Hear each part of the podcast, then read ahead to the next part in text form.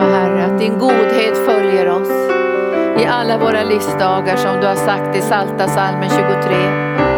Och du ska duka ett bord i fiendernas åsyn och låta bägaren flöda över. Och bara godhet och nåd ska följa oss i alla våra livsdagar. Det är vår förväntan. Att varje dag är nåden ny, ett flöde av nåd varje dag. Och vi kan gå från härlighet till härlighet. Inte från rutin till rutin, utan rutin till rutin, utan från härlighet till härlighet. Och från kraft till kraft och från tro till tro. Så kom heliga Ande och rör vid oss den här kvällen för vi välkomnar dig Jesus. Att uppenbara din härlighet, du är osynlig men du är ändå synlig för våra ögon för du har sagt Herre att de renhjärtade de ska se Gud. Och vi vill se vad du håller på med Jesus, vi vill förstå din rörelse. Vi vill förstå vad anden vill förmedla och vad anden vill göra ibland oss. Och gör oss känsliga för den heliga ande. Den heliga andes smörjelse och beröring. I Jesu namn. Amen. Halleluja. Går det att få lite mera ljud eller? Lite mer. Tack David, det var inspirerande det här. Man fick sån lust att ge. Väldigt härligt också att höra vad Gud har gjort i ditt liv och, och hur du står idag så stark i den heliga ande och betyder så mycket också i vårt arbete bland både yngre och äldre vuxna, eller vad ska jag säga yngre vuxna och mera barnhållet så håller vi på att betjäna många, många som kommer in nu som är alldeles nyfrälsta. Visst är det roligt det? Så den här brodern ska ni följa och se vad Gud ska göra. Tack Oskar för underbar lovsång. Den här killen, han kommer att vara ledare för lovsångstillvalet som vi startar nu i september. Så kolla på hemsidan, vi kommer att lägga upp det här lovsångstillvalet och det kommer att vara en gång i veckan och vi kommer att utbilda i lovsång, men lovsång på många olika sätt. För vi har ju lovsång i församlingen, vi har lovsång på våra utposter, vi har lovsång på gatorna, vi har lovsång på Sjöhamra gård i flödesbön, vi har lovsång på helande dagar, vi har väldigt mycket uttryck för lovsång. Men mitt i allt det här så vet vi att all lovsång är riktad till Jesus. Han ska ha all lovsång. Lovsången tillhör honom. Så titta på det där så ber ni över det här också för man behöver inte vara direkt lovsångare för att vara med på den här kursen. Man kanske känner att man vill vara producent. Man vill jobba med tekniken för att vi ska få bra internet ljud också när vi sänder, jobba kanske med tv-arbete där vi också ska få in mera lovsång. Så kolla det där, det kan hända att Herren talar till dig och du behöver inte gå på bibelskolan för att vara med på den här utbildningen. Men så att du kan också ansöka till den. Så tack Jesus. Ja, nu har vi också haft helande dagar så ni som ser mig nu kanske har precis fått profetisk bön. Jag frågade medarbetarna där uppe innan vi gick ner, var det starka profetiska ord? Jag tyckte de såg väldigt saliga ut. De hade flödat i anden och gett ord från Guds hjärta. Så jag hoppas att du är välsignad av de här helande dagarna. Och vi återkommer ju snart med helande dagar igen och vi har också en hel vecka på Sjöhamra gård som är en återhämtningsvecka. Så du kan gå in och titta på hemsidan och sen är det många saker som sker också under maj, juni, juli och ja, hela sommaren såklart. Men jag har hört att Herren har sagt någonting som jag bara vill dela med er och så kanske jag kommer att dela det under några gånger. För det som Herren har sagt som jag tycker jag har hört då, nu får vi pröva allting. Jag tycker Herren har sagt så här, förbereder för andeutgjutelse. Förbereder för andeutgjutelse. Och då sa han inte bara individuellt utan han sa förbered församlingen för andeutgjutelse. Därför det, det, det är ganska trist och jag har ju varit med ett tag nu i alla möjliga olika väckelser också. Att ibland så när anden vill göra någonting så är det en liten grupp som gensvarar. Men inte hela församlingen. Och, och de, om det bara är en liten grupp som gensvarar eller några människor som gensvarar så kan det fina och underbara som Gud vill ge skapa splittring. Det vore väl tråkigt, eller hur? Alltså Gud kommer med världens välsignelse och sen skapas det splittring och åsikter och sådana här som gör att det stängs till. Och många väckelser genom, genom, ska säga, genom historien har ju mött mycket motstånd. Många kyrkor har stängt för väckelse. De har inte känt igen vad Gud har gjort för någonting. De har tänkt att det, det är bara människoverk eller det här är kanske till och med från djävulen. Att man står emot för man känner inte igen det som Gud gör. Och jag tror, nu vet inte jag hur, hur framtiden ser ut, men vi verkar ju gå mot de yttersta tiderna. Vi verkar, det verkar mer och mer som saker drar ihop sig. Men också att synden mognar. Och då kommer också härligheten att bli synligare i den här världen och ljuset blir starkare.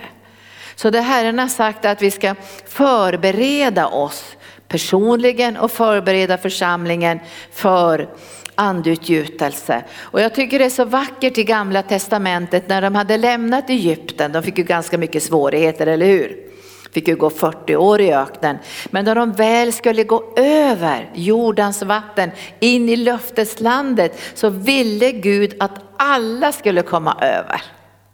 De sa inte så här, men vi nöjer dem en tredjedel av alla kommer över, de där torra kan få stanna kvar. Det, det fanns inte på kartan. Utan Joshua han säger så här, nu måste ni helga er säger han.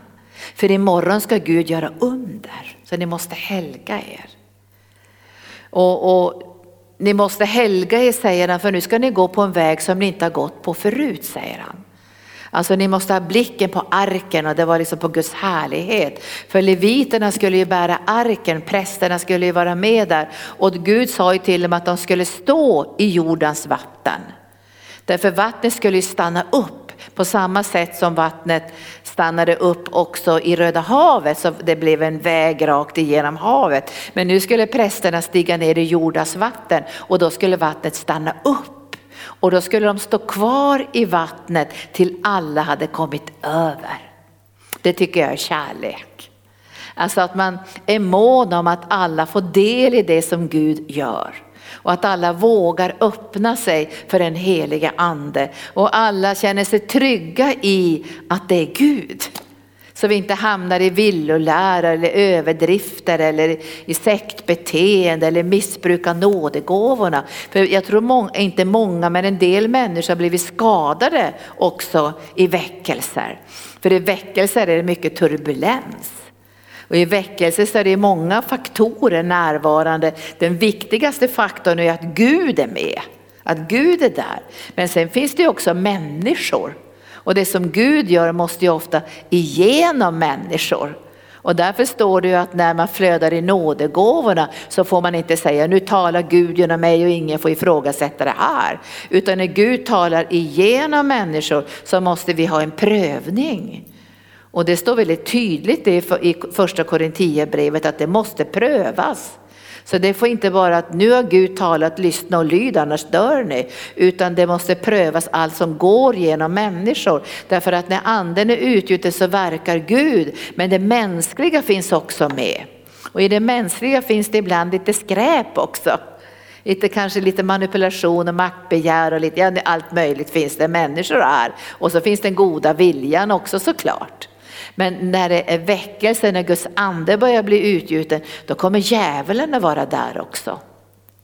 För att vränga saker och förstöra, föra in ockultismen. Och det är inte säkert att alla förstår vad Gud gör heller. Man måste ha en träning i anden för att känna igen vad Gud gör. Men det, ju, det finns ju ett löfte också i skriften. Att, att vi ska känna igen vad Gud gör för de renhjärtade ska se vad Herren som ska se Gud och förstå andliga skeenden. Men vi ska förbereda våra hjärtan. Vi går in i de yttersta tiderna, tror jag. Vi kan ju se det också från Matteus 24. Och då längtar Gud efter att få manifestera sig kraftfullare. Alltså det ska bli kraftigare under och tecken, kraftigare genombrott, kraftigare andutgjutelser. Alltså det kommer inte bara vara den stilla susningen. Vi kommer att få uppleva det som Bibeln talar om pingstdagen, när det blir kraftfullt dån. Vill ni vara med då?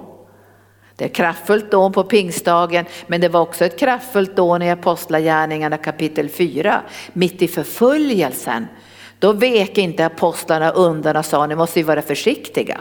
Det var, inte så, var det inte sådana böner när de hade blivit förbjudna att predika i namnet Jesus, då drog inte de sig undan för de var rustade i den heliga ande. Och de samlade folket och sa, nu ska vi bedja på riktigt. Och så säger de, nu ska vi be att, att, att Jesus, han blir utsträckt till under och tecken. Och då gensvarade Guds ande så alla blev uppfyllda med den heliga ande. Och det står också i Apostlagärningarna 4 att hela huset skakade.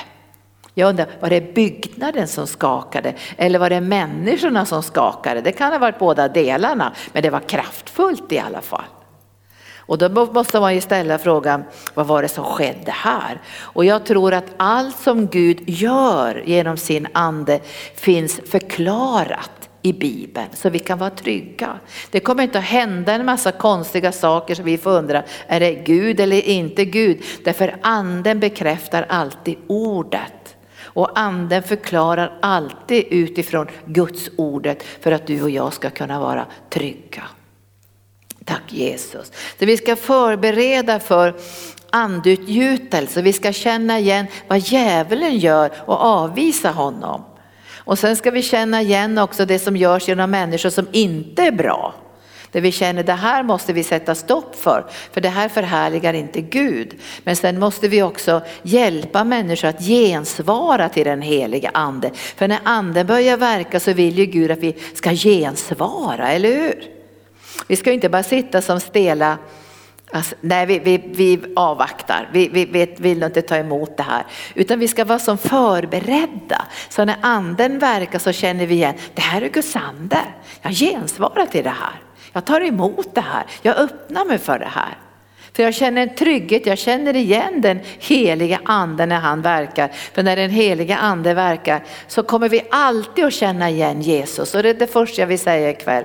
När den heliga ande verkar, för anden och ordet, vi talar mycket om det på bibelskolan, att när anden verkar och när ordet finns närvarande så förhärligar alltid anden och ordet Jesus. Alltså när anden och ordet möts så möts de alltid i Jesus och därför kan vi vara trygga. För ibland kommer anden på ett sätt som man inte är van vid. Och jag har ju sett väckelser som jag inte är van vid. Jag var med för många, många år sedan så var det, kom det en väldigt känd predikant, han är hemma hos Herren nu och hade en, ett seminarium på några dagar och Guds ande föll och människor stod och skakade under anden och så. Och jag hade inte möjlighet att vara med från början. Så jag kom dit på sista mötet. Så jag var liksom inte varm i kläderna. Och det är därför jag brukar säga när vi har konferenser, var med från början. Var med hela tiden. För när man kommer in i ett skeende kanske efter några dagar och de andra har tagit emot och öppnat sig så kanske man känner sig främmande. Visst kan det vara så? Man tänker vad är det här? Så när jag kom in då den här sista dagen i seminariet och Guds ande var utgjuten och de, de flödade och folk stod och skakade och en del låg på golvet. Då kände jag så här, men vad är det här för någonting? Det här har jag inte sett förut, det här har inte jag eh, varit med om förut. Men då lyssnar jag in i anden. Först frågar jag Jesus, är det du? Och lärjungarna de frågade ju, de kanske, Petrus frågade ju om det är du Jesus. Så låt mig få komma ut på vattnet. Han frågar, är det du Jesus? Och då säger bara Jesus, ja det är jag. Du behöver inte vara rädd, jag är inget spöke, det här är ingenting konstigt. Så det är väldigt noga, när anden verkar så vill man ju helst höra förkunnelsen också. Så man vill höra, vad säger predikanterna? Är det Jesus som verkar nu och vad gör han nu i de här människorna när de skakar? Jag vill veta vad han gör. Jag har alltid varit på den vägen att jag vill förstå vad anden gör. Och det förstår jag utifrån skriften såklart. Jag vill vara trygg i vad anden gör så det inte kommer några konstiga grejer. Så om jag skulle se människor skaka, då vet ju jag, det finns ju i Bibeln att människor skakade. Hela huset skakade. Men det står ju också att, att det finns att Gud skakar ett mått så skakar han så det ska bli rågat och överflödande. Och ibland får han skaka till oss lite grann för att vi ska få in mer av Guds härlighet.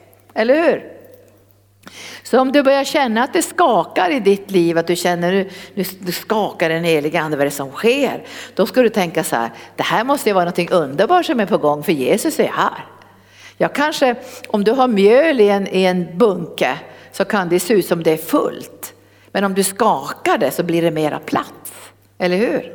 Så att om jag skulle bli skakad skulle jag tänka tack Jesus, nu ska det bli mera plats för Guds härlighet. Så jag ska skaka mer, skaka mer, skaka mer. Och skulle jag känna det här att det började rycka i mig, det har jag känt och då visste jag inte vad det var när det ryckte i mig. Jag var i Kanada och jag var i ett möte och så började det rycka i mig kraftfullt. Jag kände att det ryckte. Och jag är ju en ordets person, jag vet att anden och ordet samverkar. Det är inga konstiga grejer. Så jag frågade den heliga ande, vad är det som händer? För jag vill ha bekräftelse i ordet. Och då hörde jag bara Herren säga att, att varje planta som inte är planterad av den himmelska fadern ska ryckas upp med rötterna. Och då blev jag trygg. Och då sa jag till Gud, men ryck på Gud. För finns det saker i mig som inte är planterade av dig, så fortsätt att ryck. Och ja, det ryckte ju hela kvällen så det måste ha varit en hel del. Och jag ryckte när jag gick hem också till hotellet och sen på natten försvann det. Men ibland när jag ber för människor känner jag att det rycker till. Då vet jag nu är det något som ska ryckas upp. Anden och ordet samverkar för att uppenbara Jesus, hans hjärta, hans kärlek och hans försoningsgärning. Visst blir man trygg då? Anden gör inte saker som inte förklaras. Och det är det jag skulle vilja säga ikväll. Att anden verkar så finns det förklaring. Och Jesus förklarar saker. Anden verkar inte bara så här och säga, ja ni får väl tro vad ni vill. Utan han förklarar olika skeenden. Så, så när Israels folk skulle gå över Jordans vatten, då säger han, nu, nu ska ni gå in i ett land, nu ska ni gå på en väg som ni inte har gått förut. Men var trygga, men ni ska ha blicken på rätt ställe, ni ska ha blicken på härlighetsarken. Nu säger Gud vi ska ha blicken på Jesus, eller hur? Nu är det Jesus som är härlighetsarken. Så när vi får gå på en väg som vi inte har gått förut, för vi kanske får del av väckelse som uttrycks på ett annat sätt, men det är alltid Jesus. Och jag har ju sett när olika väckelser har kommit så har en del församlingar sagt nej. För de förstår inte vad Gud gör, de vill inte öppna sig för det. För de tror att om vi öppnar oss för det här, då kommer vår församling att bli förstörd. Alltså det tycker jag är så hemskt att tänka så om Jesus. Jag vill tänka att om, om han vill ge oss förnyelse och beröring i den heliga ande, då ska vi bli välsignade. Då ska vi bli starkare. Då ska det bli mera befäst. Så man får inte bli rädd för den helige ande, att nu kommer han och förstör församlingen. Nu kommer han att splittra folket. Då börjar man tänka, vad är det för ande? Det måste vara djävulens ande. För när den heliga ande verkar så blir det enhet mellan nådegåvorna. Då, väck, då bygger Gud för kroppen, församlingen och stärker den genom den heliga ande. Och det betyder att man behöver inte stänga sig som församling när väckelse kommer. Man får öppna sig för det, för vi tror att Gud är god. Och det finns mycket, mycket mer för oss. Och ibland får Gud skaka församlingar, för de har, de har mjölet ända hit upp. Och då behöver det skakas till lite så det ska bli plats för mer. För jag tror Gud vill ge mer. Han vill inte bara, ja men det här sammanhanget det stänger, det är bara blivit religiöst och så lämnar vi det. Det är något sorgset över det också. Och därför behöver vi bereda oss för väckelse. Helga er, säger Herren, för nu ska ni få gå på en väg som ni aldrig har gått förut. Och prästerna stannade i jordens vatten till alla kom över. Och det här ska vi be också för ledare, för hemgruppsledare, att de inte ger upp, för ibland så har man blivit sårad i något sammanhang, man har fått någon falsk profetia, man har varit i något halvsekt sammanhang där det har varit liksom väldigt styrt och så här från människor som man känner nej, nej, nej, nej, nej, jag tror inte jag vill ha del i det här. Och då får man hjälpa människor att känna igen Guds kärlek och känna igen Guds ande så man får med sig alla genom jordens vatten in i det förlovade landet och det tycker jag är kärlek. Och en del tar det lite längre. Jag, jag vet ju kompisar till mig som var väldigt skeptiska till det här att någon skulle skratta under smörjelsen och kan det vara från Gud? Och jag sa, det är klart det måste vara från Gud. Jag menar det är ju inte hånskratt, det kommer ju från djävulen. Det här är ju skratt som den heliga ande initierad. Och tycker Gud om skratt? Jag måste kolla i Bibeln. Det står när Herren upprättar Sion, då var vi som, då skrattade vi, då var vi jublande, då var vår tunga uppfylld med skratt står det. Och, och, så står det att, att där Herrens ande är finns andens frukter och en av de frukterna är glädje. Och jag tycker att glädje hör ihop med skratt lite grann också. Och det står att Jesus har glädjen olja mer än bröderna. Och då finns det förklaringsmodeller, vi är inte knäpp i huvudet när vi skrattar. Utan det är anden som verkar och alla ger inte gensvar på en gång. Jag har varit med i möten där kanske 30 procent gensvar och resten sitter och tittar och tänker är de konstiga i huvudet här. Men, men vi tvingar inte människor att gensvara utan Gud lockar människor att gå ner i vattnet. Men vi förbereder för väckelse. Och ibland så vågar man bara gå ner till fotknölarna, men det är okej okay det också. Men då får vi locka människor, gå ut till knäna i alla fall. Då får man lite smak för det här.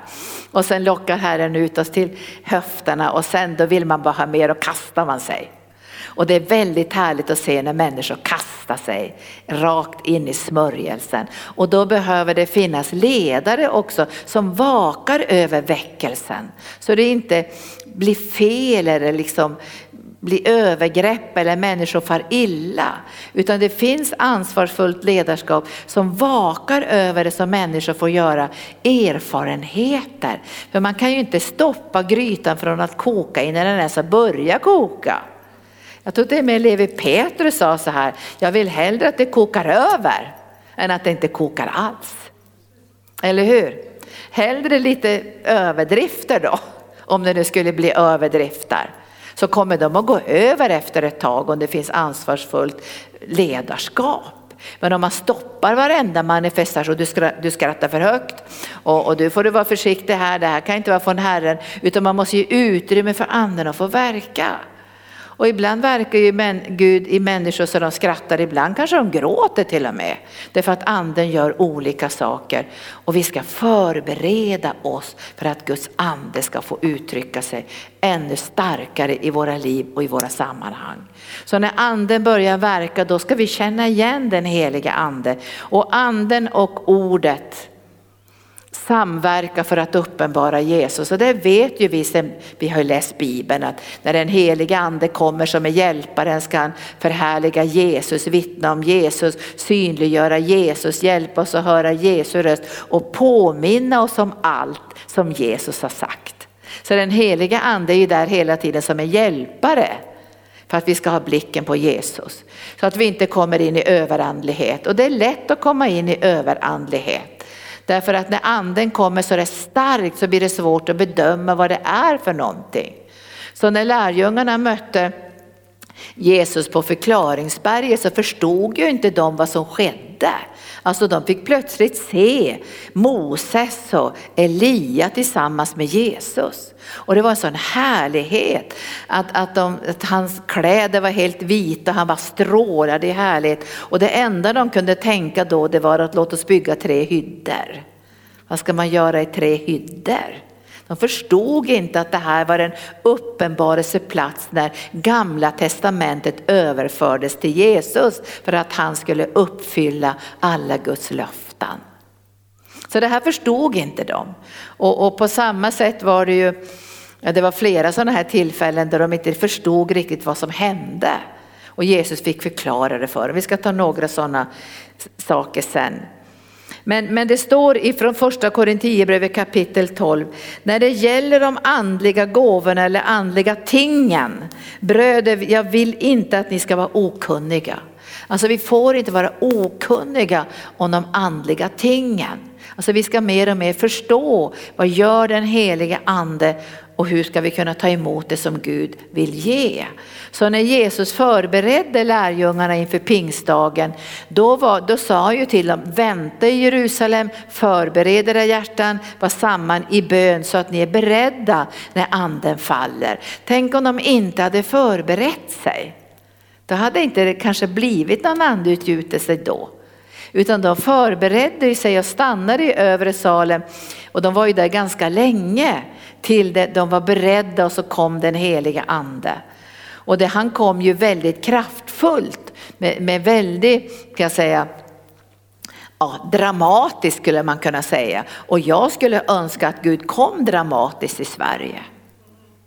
Jag skulle önska att han skakade om det här landet, att han skakade om dem i politiken så det bara dånade med Guds kraft. Jag skulle önska att det blev en sån andes manifestation så att man inte fick gå och leta efter de kristna. Finns det någon kraft här? Alltså jag tror Gud längtar efter att få uppenbara sig. Och då, då förbereder vi oss också för det. För Gud säger ju till lärjungarna att ni kan inte eh, gå ut och predika utan utrustning. Eller hur? Och då väntar de på den här utrustningen. Men, men i de här texterna i Apostlagärningarna kapitel 2 så blir det en reaktion bland folket. Och det här måste vi tänka på att när anden verkar så blir det reaktion. Det kan vara tidningarna som börjar höra av sig, det blir kritik och jag har ibland läst på sådana här sajter att folk fattar ingenting. Att när anden har fallit och människor skrattar och ligger kanske under Guds kraft och gråter, då har man trott att det har varit eh, främmande religion. Jag hörde någon som sa så här, nej men det här är inte helig ande, det här är kundalini-stegring. Alltså man är totalt okunnig, man känner inte ens igen djävulens ande och Guds ande och vi måste lära känna skillnaden på Guds ande och djävulens ande och ställa oss frågan, vilken källa öser vi ur? Vi ska ösa den helige andes källa för att förstå olika skeenden. Så på pingstdagen var det ju väldigt mycket åsikter. Och när anden faller så är det åsikter. Det kommer vara många som säger, nej men de här är ju knäppa i huvudet, de har druckit för mycket vin, de är alkoholiserade. Det kan man ju tänka om du raglar ut ur ett möte drucken av den heliga ande för Gud har berört dig. Då kanske folk tänker, den där har ju druckit alkohol. Eller så kanske de tänker, hon har blivit psykiskt sjuk och fått psykos. För man ser ju här i Apostlagärningarna 2 att det var åsikter.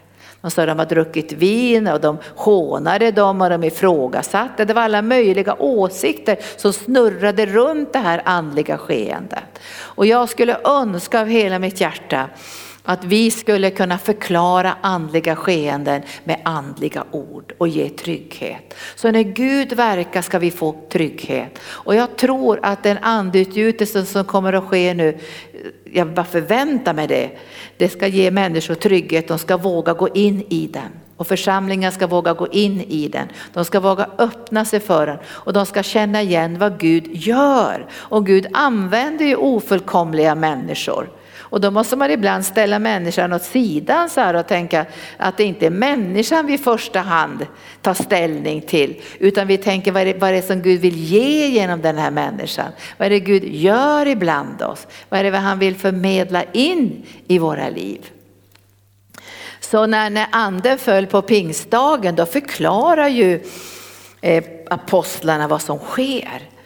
Och de förklarar det så jätte jättebra och jag har tänkt många gånger, vi ska förklara för människor genom Gudsordet, vad gör Guds ande nu? Och hur förhåller det, hur kopplas det till bibelorden? Och jag predikade om det här, här om dagen. Jag, jag säger det här igen för jag, jag känner att nu ska vi förklara. Och när jag var ung fick jag nästan aldrig förklaring. Alltså jag gick fram till predikanterna när jag var ung och frågade, jag förstår inte vad du gör. Kan du förklara för mig vad du gör? Varför ber du så här? Vad är det som händer? Och det var många som inte kunde förklara det ens och sa bara, ja men det är bara Guds ande som verkar. Jag tror att Gud kan förklara vad han gör. Jag tror det. Så, så att när du verkar i den heliga ande och kastar ut onda andar så kan du förklara, nu, nu gör Gud det här och vi ska titta på någon sån text. Att det finns förklaring. Den heliga ande gör inte saker som inte han förklarar i skriften. Så när det här sker på apost i Apostlagärningarna 2 och alla började stå, det står så här, en del blev häpna, en del blev förvirrade, en del frågade vad kan det här betyda? Andra var hånfulla. Olika reaktioner. Och vi kommer att möta olika reaktioner. Så när anden verkar ska inte vi bara stå så här, vi vet inte vad som sker. Det är klart vi vet vad som sker. För anden kommer att förklara det utifrån bibelordet. Så, så Petrus träder ju fram och så börjar han direkt att säga till folket så här. Nu Jerusalems invånare, nu ska ni lyssna på ordet här och förstå vad som sker. Nu ska ni förstå vad som sker. Och så börjar han förklara vad Gud har sagt i profetiskt. I Joels profetia bland annat så fanns det ju ord som kom från Gud att anden skulle falla över allt kött och män och kvinnor, unga och gamla skulle flöda i den heliga ande och profetera. Nu var det uppfyllt, eller hur? Nu förklarar han det. Och det här förstod ju människor som hade lite bibelkunskap, kopplingen. Nu är det här uppfyllt, så ser det ut så här när det är uppfyllt. Det kunde man ju inte tänka ut när man läste Joels profetia. Jag, jag, kan ju själv tänka att om inte jag hade fått nya testamentet då hade jag kunnat tänka hur ser det ut när anden faller över allt kött? Man kan ju ställa den frågan.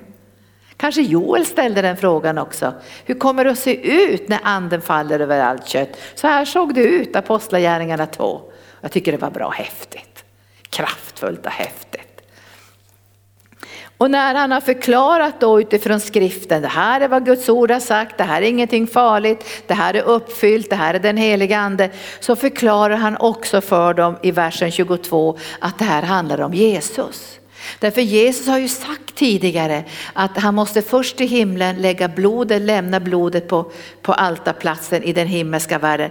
När han har blivit förhärligad, då kan anden falla. Så den här andutgjutelsen är kopplad med Jesu försoningsgärning, Jesu upphöjelse, Jesu uppståndelse ifrån de döda. Så de måste förklara många saker.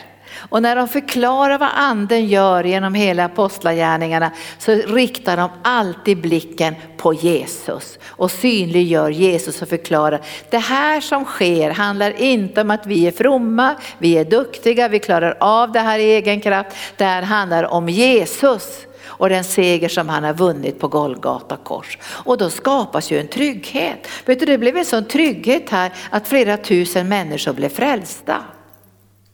Därför de förstod, men det här är Gud lovat, det här är uppfyllt. Det här handlar om Jesus, det här handlar om försoningen. Det är klart att de blir trygga. Men om, om anden börjar falla och, och vi inte förklarar vad som sker, då får ju de här människotankarna för stort utrymme och skriverierna. Och idéerna, vad är det här för någonting? Och så hittar de på alla möjliga saker. Kritiker och sådana som är motståndare och ateister eller tidningsfolk så här som hittar på saker. Och vi ska ha första king och förklara saker, eller hur? Vi ska förklara och vi ska bli bra på att förklara därför att ordet och anden följs åt. Och det här att det uppenbara Jesus är också så jätte, jätteviktigt. Därför att när anden är väldigt stark, närvarande, kanske änglar kommer att visa sig. Tänk om vi skulle få se änglar på riktigt. Alltså det blir manifestationer av den andliga världen, för den kommer närmare och närmare. Alltså det, det, det, det, här, det osynliga blir mer och mer synligt. Och i Uppenbarelseboken så så blir det så starkt. Den här Johannes fick uppleva så mycket. Alltså vad han fick uppleva och förklara saker för oss. Men han höll ju på att gå vilse. Denna Johannes som hade en sån kontakt med Jesus höll på att gå vilse. För när en ängel uppenbarar sig så faller han ner och tillber den. Därför att det är sån härlighet runt änglarna så han börjar tillbedja. Och då säger ängeln på en gång, så här får du inte göra. Du får inte tillbedja mig. För jag är medtjänare till dig, du som har Jesu vittnesbörd. För profetians ande, det övernaturliga bär Jesu vittnesbörd. Så när den heliga ande verkar med kraft ibland oss så vittnar alltid anden om Jesus och då kan du och jag vara trygga, eller hur? Jag vill att vi ska vara trygga när anden börjar uppenbara sig. Det ska inte bli så mycket prat och idéer hit och dit och diskussioner, utan vi ska känna igen, det här är Gud. Det här är Gud, det här är Guds ande, det här är Gud som verkar och vi vågar öppna oss därför att den övernaturliga smörjelsen som är verksam kommer alltid att synliggöra Jesus och bereda en mötesplats med Jesus. Och då får vi trygghet. Nu ska vi ta några ställen ikväll om hur Jesus förklarar saker. Ta bara två ställen så får vi inte så lång kväll, men i Lukas 13 och 10, Lukas 13 och 10, Lukas 13 och 10 så förklarar Jesus andliga saker. Han lämnar inte bara det här till olika åsikter, eller hur? Och många gånger lämnar vi saker för vi, vi kan inte tolka vad anden gör. Utan vi får bara lämna det. Vi ska inte lämna det, vi ska förklara för människor. Och, och nu i Lukas evangelium så kommer ju Jesus in han är ju i synagogan i kapitel 13 och versen 10 och då finns det en kvinna som har haft en sjukdomsande i 18 år. Hon var krokrygglig och kunde inte räta på sig, räta upp sig. När Jesus såg henne kallade han fram henne och sa till henne, kvinna du är fri från din sjukdom och så la han händerna på henne och genast rätade hon på sig och prisade Gud. Det hade kunnat stanna där, eller hur? Det var ju underbart. Han gick till henne, han, han talade till henne om frihet från sjukdomen, han la händerna på henne. Men så märker han att det blir för mycket tjafs. Det blir för mycket prat, det blir för mycket åsikter och då förklarar han vad som sker. Han förklarar det. Och, och, det här tror jag när anden ska verka så kommer vi att kunna förklara för människor så vi inte får för mycket motstånd. Jag har varit i en del väckelser så det har varit mycket motstånd. Jag, jag minns när trosväckelsen bröt fram så visste jag på en gång när trosväckelsen bröt fram vad Gud var ute efter. Han var ute efter att lyfta fram ordet. Det var en ordetväckelse. Alltså hela trosväckelsen var ordet, ordet, ordet, ordet. Och jag kommer ihåg när jag var ung så sa vi det är ingen bra predikan om vi inte har tio bibelställen som en grund för den här predikan. Och jag kommer ihåg en del pastorer sa, men det kanske räcker med fyra bibelställen annars blir det ingen predikan, då blir det bibelstudie varje gång ni predikar. Men vi var så måna om att vi tänker se i bibeln vad som står här och det fanns ingen som inte hade bibeln med sig. Alla hade bibeln med sig, anteckningsbok med sig och pennor och så strök man under. För vi ville förstå vad säger Guds ord och det var en ordet väckelse. Men det var många som tog avstånd från trosväckelsen, många sammanhang. För de kanske retade sig på lovsången, kanske retade sig på predikanten, de kanske retade sig på det ena och det andra. Och det finns alltid någonting att reta sig på. Men man måste tänka vad var det Gud ville ge för någonting? Och behövde inte varenda kyrka i hela Sverige förnya sig kring ordet? Eller hur? När många, många predikningar inte längre var ordet utan det var människomeningar och lite gulliga betraktelser och en liten dikt eller någonting. Medan det fanns en hunger hos Guds folk att få, få köttbitar i ordet. Eller hur? Alltså det var många som kände Gud, ropa till Gud. Vi kan inte bara sitta och dricka välling resten av livet.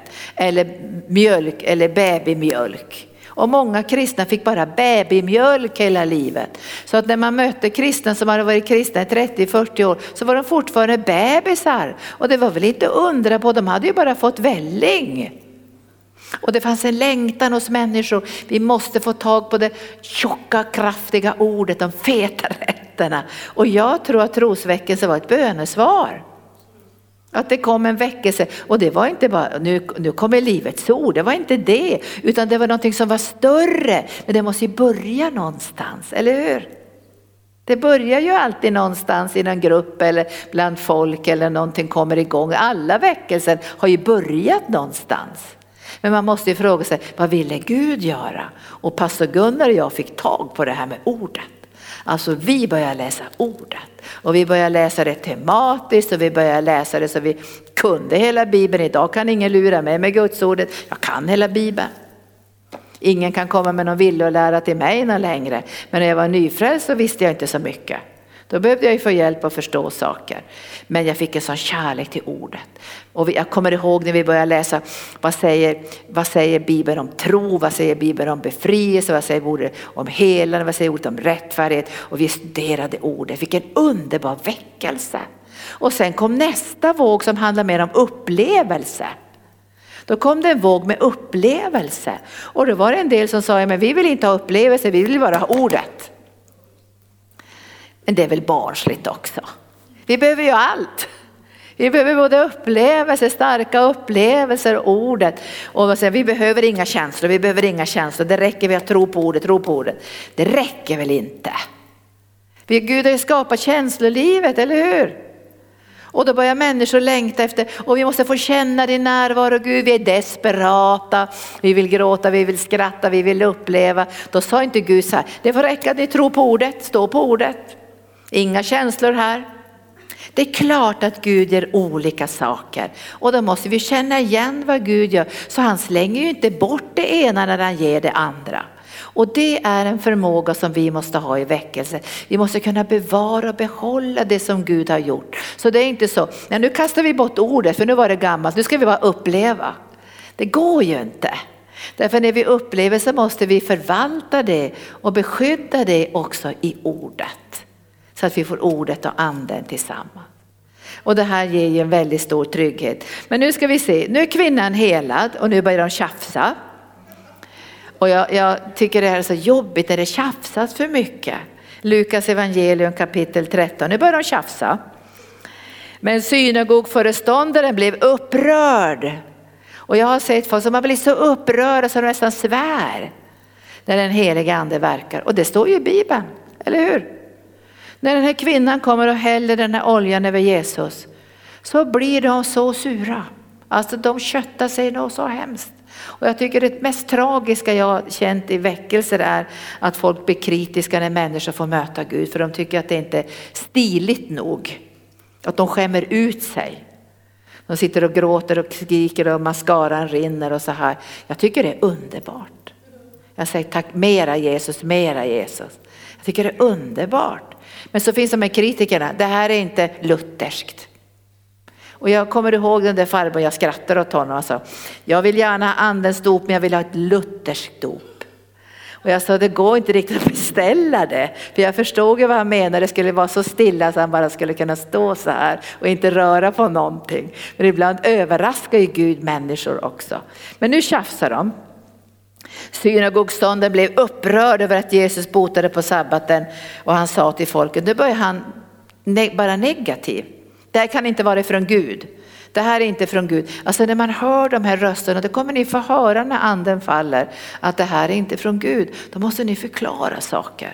Och när, när, när Jesus hör det här, den här synagogföreståndaren säger till folket, det finns sex dagar då man ska arbeta och på dem kan ni komma och bli botade men inte på sabbatsdagen. Då tiger inte Jesus utan då, förklar, då förklarar han vad som är på gång. Och så säger han så här, han är lite tuff här va, han säger era hycklar. Det har jag faktiskt aldrig sagt, va? men ibland kan man känna det, vad det är för hyckleri. Är du inte ledare? Så att du vill att människor ska få möta Jesus och förvandlas av hans kärlek. Spelar väl ingen roll om det ser ut som att man har skämt ut sig, vem skämmer ut sig? Vi vill öppna oss för Gud. Och det här är ju viktigt att vi får göra det så att vi inte har någon slags religiös struktur att så här får man inte uppföra sig, så här får man inte göra utan vi måste ge utrymme för den heliga ande. Och nu protesterar Jesus, ni är hycklare säger han. Och så utmanar han dem, lossar inte varenda en av er sin oxe eller åsna från krubban på sabbaten och tar ut den och vattnar den. Alltså nu hänvisar Jesus till det här levande vattnet, eller hur? Hålls det här vattnet borta på sabbaten eller stänger han av kranen på sabbaten? Men det gör han ju inte. Samma vatten som flödar måndag, tisdag, onsdag, torsdag flödar också på sabbaten. Därför det flödar från Jesu hjärta levande vatten som aldrig någonsin sinar. Och det här är hyckleri. För ibland säger man så här, jag säga hur man kan säga ibland, ja vi håller allt det här andliga innanför kyrkans fyra väggar. Och helst ska vi inte ha några manifestationer i kyrkan. Vi tar ner människor i källan eller så gömmer vi dem i ett bönerum. Så där kan vi manifestera. Men i kyrkan ska det vara fint och fint religiöst och vi ska inte skrämma syndarna. Det hör jag ibland. Men då säger jag till, det här tror inte jag på för fem öre. Varför gör jag inte det? Därför Jesus gjorde inte så här. Han gick inte och gömde folk i någon källare och kastade ut onda andar. Han gick inte och gömde sig någonstans och sa nu får ni inte skämma ut er. Han gjorde allting offentligt, eller hur? Han ville att människor skulle få se Guds kraft. Han ville att de skulle få se befrielsens underbara smörjelse. Läkedomen, den här kvinnan fick gråta vid hans fötter. Alltså Jesus gjorde allting offentligt. Medan vi är så jätterädda i, i församlingarna att vi tänker vi måste ha något riktigt stiligt här så att ingen blir skrämd. Jag tror att de ofrälsta blir skrämda av en kristendom utan kraft. Det skrämmer nog mer tycker jag. Så människor måste få se den här rörelsen av Guds ande. Och då välkomnar vi Guds ande. Och jag tror inte Guds ande tänker skämma ut människor eller skapa total förvirring. Jag litar på den heliga ande. För det är sanningens ande, nådens ande, kärlekens ande. Det är fridens ande. Nu ska vi se vad Jesus säger, nu förklarar han. Men den här kvinnan, nu förklarar han vad som händer i anden. Den här kvinnan är en Abrahams dotter. Och nu säger han någonting, hon är i förbund med Gud. Alltså han tar, den här kvinnan har rättigheter. Hon är i förbund med Gud, hon är en Abrahams dotter. Det är ingen hedna kvinna som ännu inte har tillgång till, till löftena. Det här är en Abrahams dotter. Och sen säger han, den här kvinnan har Satan hållit bunden. Nu förklarar han vad som sker egentligen. Han talar med en sjukdomsande, men bakom den här sjukdomsanden finns Satan. Och Satan har hållit den här kvinnan bunden. Nu förklarar han vad som finns i andevärlden. Och vi har många gånger varit väldigt rädda att förklara vad som finns i andevärlden. Därför vi tycker att det låter inte omodernt att tala om demoner och om djävulen och vilka krafter som finns närvarande. Det här måste vi förklara för människor. Det finns en andlig verklighet och den förklarar Jesus så att människor ska känna sig trygga. Det här kommer inte ifrån Gud den här sjukdomen. Det är inte Guds ande som har bundit henne, det är Satan som har bundit henne. Jag tycker jag får trygghet här. Jag känner vad bra att du förklarar det här Jesus, för jag är också en Abrahams dotter, jag har Abrahams välsignelse. Jag har rätt att få eh, helande vilken dag som helst när Guds ande verkar. Måndag, tisdag, onsdag, torsdag är du närvarande. Och nu förmanar han dem och så säger han, den här kvinnan har satit, Satan hållit undan bunden, skulle inte hon få bli fri från sin boja? På sabbaten. Nu utmanar han dem. Och då, då, ändrar de sig, jag tror att de ändrar sig för det står, vid de orden skämdes alla hans motståndare, men allt folket jublade över det underbara som Jesus gjorde. Och jag tycker att människor som har förtalat Jesus, gått emot väckelse, jag tycker de ska få skämmas. Jag tycker de ska få göra bättring och skämmas och Jesus förklarar saker för dem så de kan ta ställning på nytt. Och på samma sätt förklarar han ännu tydligare, tar vi till sista bibelstället, för nu gäller det här helande. Alltså vi måste förklara vad anden gör när han också helar människor. Och då står det ifrån, vi ska se här ifrån eh, Vi ska se eh, ska se vilket bibelställe vi ska ta här. Vi tar ifrån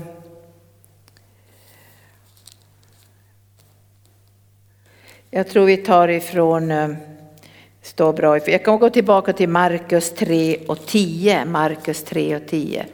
Markus 3 och 10. Och här är en man som är blind och döv. Jättejobbigt alltså, blind och döv. 3 och 20. 3 och 20. Sen kom Jesus hem. På nytt samlades mycket folk så att de inte ens fick tid att äta. När hans anhöriga, eh, när hans anhöriga fick höra det så gick de ut för att ta hand om honom eftersom han, eftersom han sa att han var från sina sinnen. Jobbigt va? Tänk om du är i väckelse och förnyelse och så tänker de att hämta hem dig för de tänker att du är från dina sinnen. För nu hade de knappt tid att äta för det var sånt flöde av den heliga ande. Och nu, nu i, i parallelltexten så botar Jesus en, eh, en man då som är blind och stum.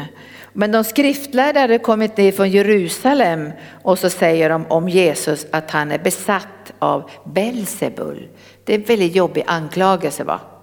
Alltså här kommer de här anklagelserna. Det här måste vara från djävulen, det här kan inte vara från Gud.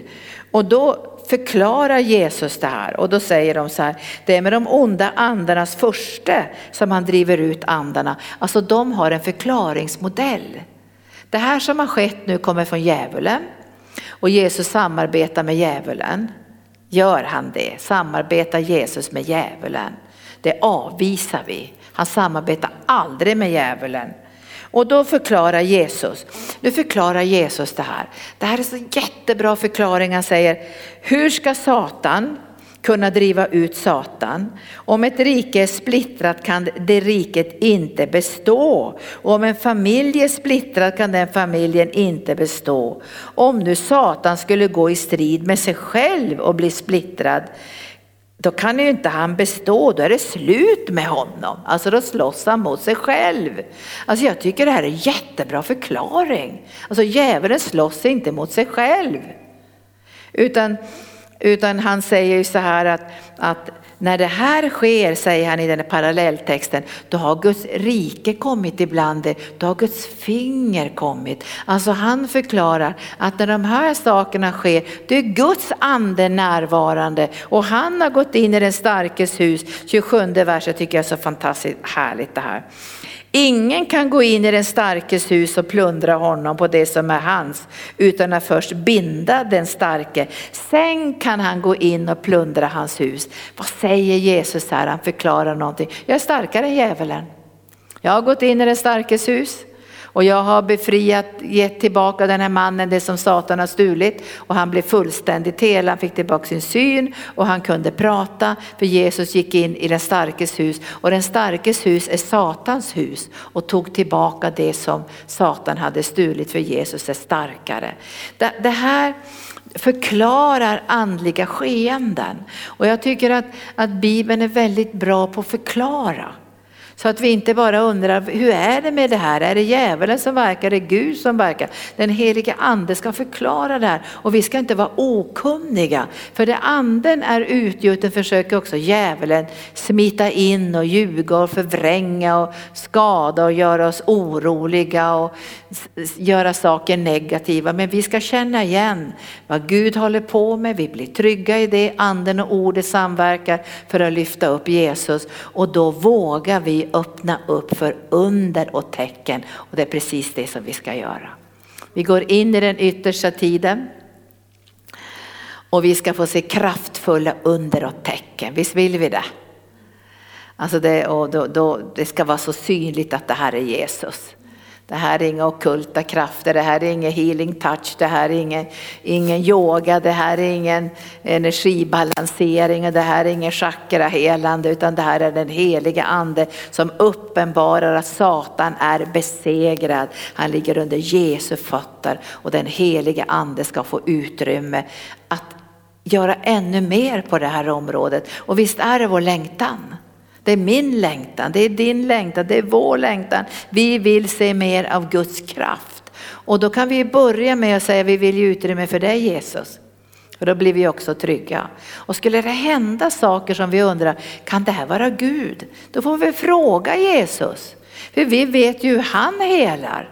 Och vi har ju studerat Bibeln fram och tillbaka så att kommer det några konstiga grejer, det kommer någon predikant hit som hittar på någonting eller ja det kan bli konstiga grejer, då får vi ju ställa frågan så här, förklara det här för oss Jesus, gör du verkligen så här? Kommer det här från dig?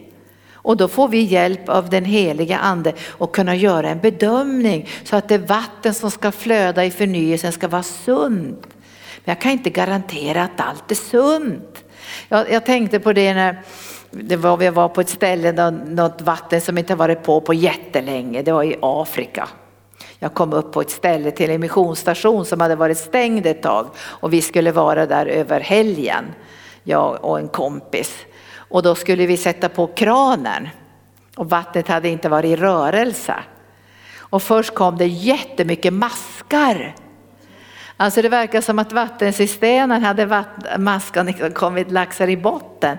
Så det kom jättemycket maskar först.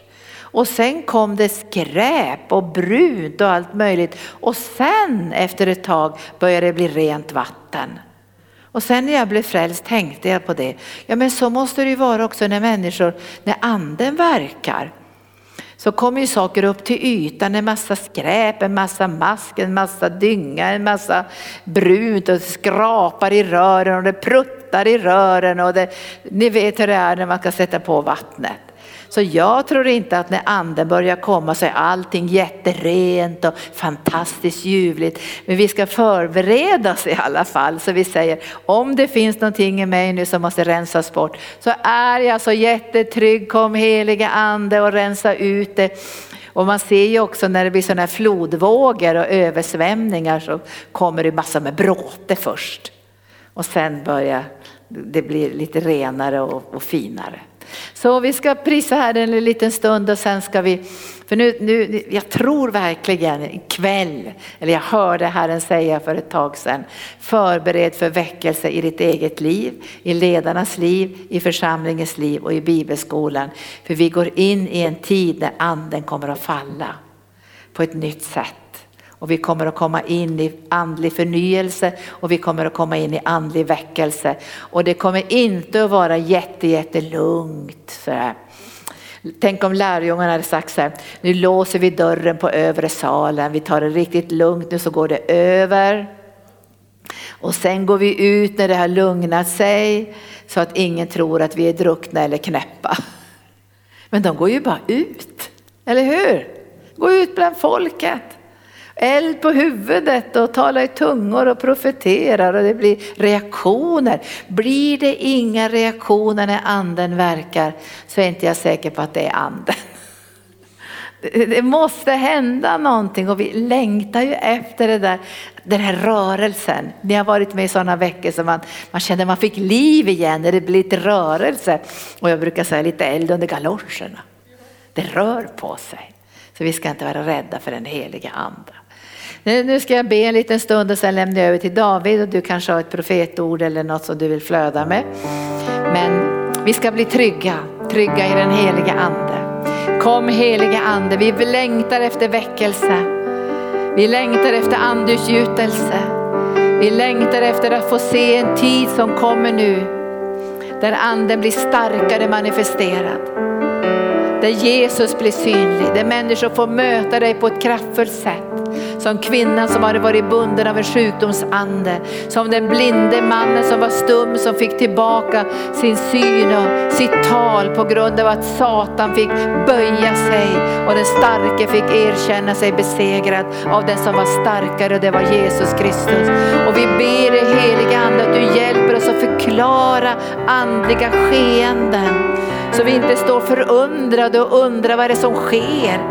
Vi vill förstå vad som sker så vi kan öppna upp för dig heliga Ande och få mer av din underbara närvaro och förstå när du skakar oss eller fyller oss eller rycker upp någonting ifrån våra liv eller att du klipper några grenar som har vissnat eller någonting. Vi vill vara trygga med dig heliga Ande. För vi vet att du har omsorg om församlingen. Du har omsorg om våra liv. Du har omsorg om det du har lagt i våra liv. Och när du kommer heliga Ande så är det inte för att röva och förstöra och bryta ner. Utan när du kommer heliga Ande är det för att förnya. Ge regn i rätt tid låta din ljuvlighet få strömma. Så kom nu heliga Ande in i våra hjärtan, vi som är här ikväll och vi som är hemma också vid datorerna, att vi ska förbereda för väckelse, vi ska förbereda för andutgjutelse. Så kom heligande och ta bort fruktan om det är någon som har farit illa i någon väckelse, någon som har blivit känt att de har blivit manipulerade eller farit illa i en väckelsevåg så be att du ska hela Jesus. För ibland kommer det mänskliga för mycket in och ibland kommer det som kommer ifrån mörker också in och skadar. Men när du verkar så är det alltid gott, det är gott, det är gott, det är gott. För du gick omkring och gjorde gott och botade alla som var under djävulens våld. Så när du kommer heliga ande så är det ljuvligt, härligt, underbart och livsbefrämjande. Så kom nu heliga ande. Rensa undan all fruktan. Och vi vill få med oss alla in i smörjelsen. Vi vill inte lämna någon. Som prästerna och leviterna, de lämnade inte folket, de stod kvar i vattnet till alla hade kommit över. Och vi ber att alla i arken, både stora och små, ska få del av väckelse och del av helig ande. Ingen ska känna sig utanför. Alla ska få smaka din underbara olja, din härlighet.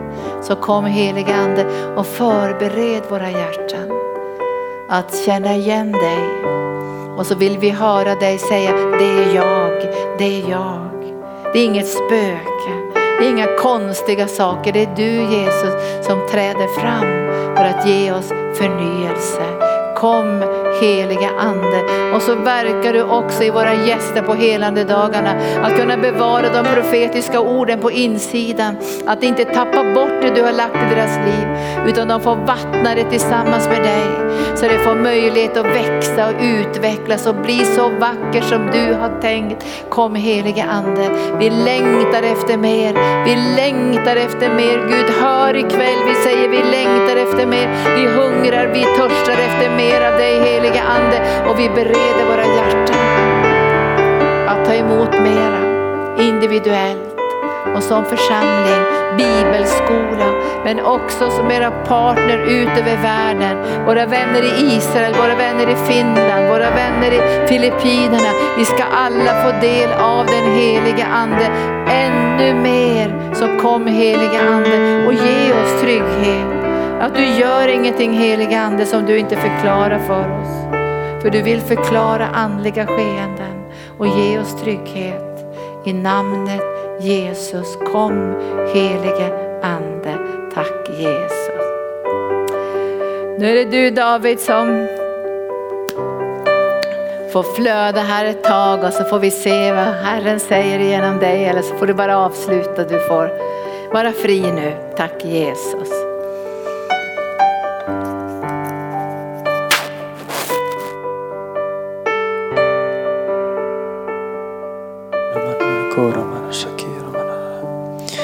Ja, när, jag, när jag bad lite så, så upplevde jag från andra Korinthierbrevet 5 och 17. Alltså någon är i Kristus en ny skapelse. Det gamla är förbi så det nya har kommit. Och sen upplevde jag också Jesaja 41 och 10 att frukta inte ty jag är med dig. Se dig inte ängsligt om ty jag är din Gud. Jag styrker dig, jag hjälper dig. Jag upprätthåller dig med, din, med min rättfärdighets högra hand. Jag såg även några bilder och jag upplevde att Gud gör någonting nytt just nu. Det kommer ett nytt kapitel i ditt liv. Gud lyfter dig upp och du ska få komma till nya höjder. Amen.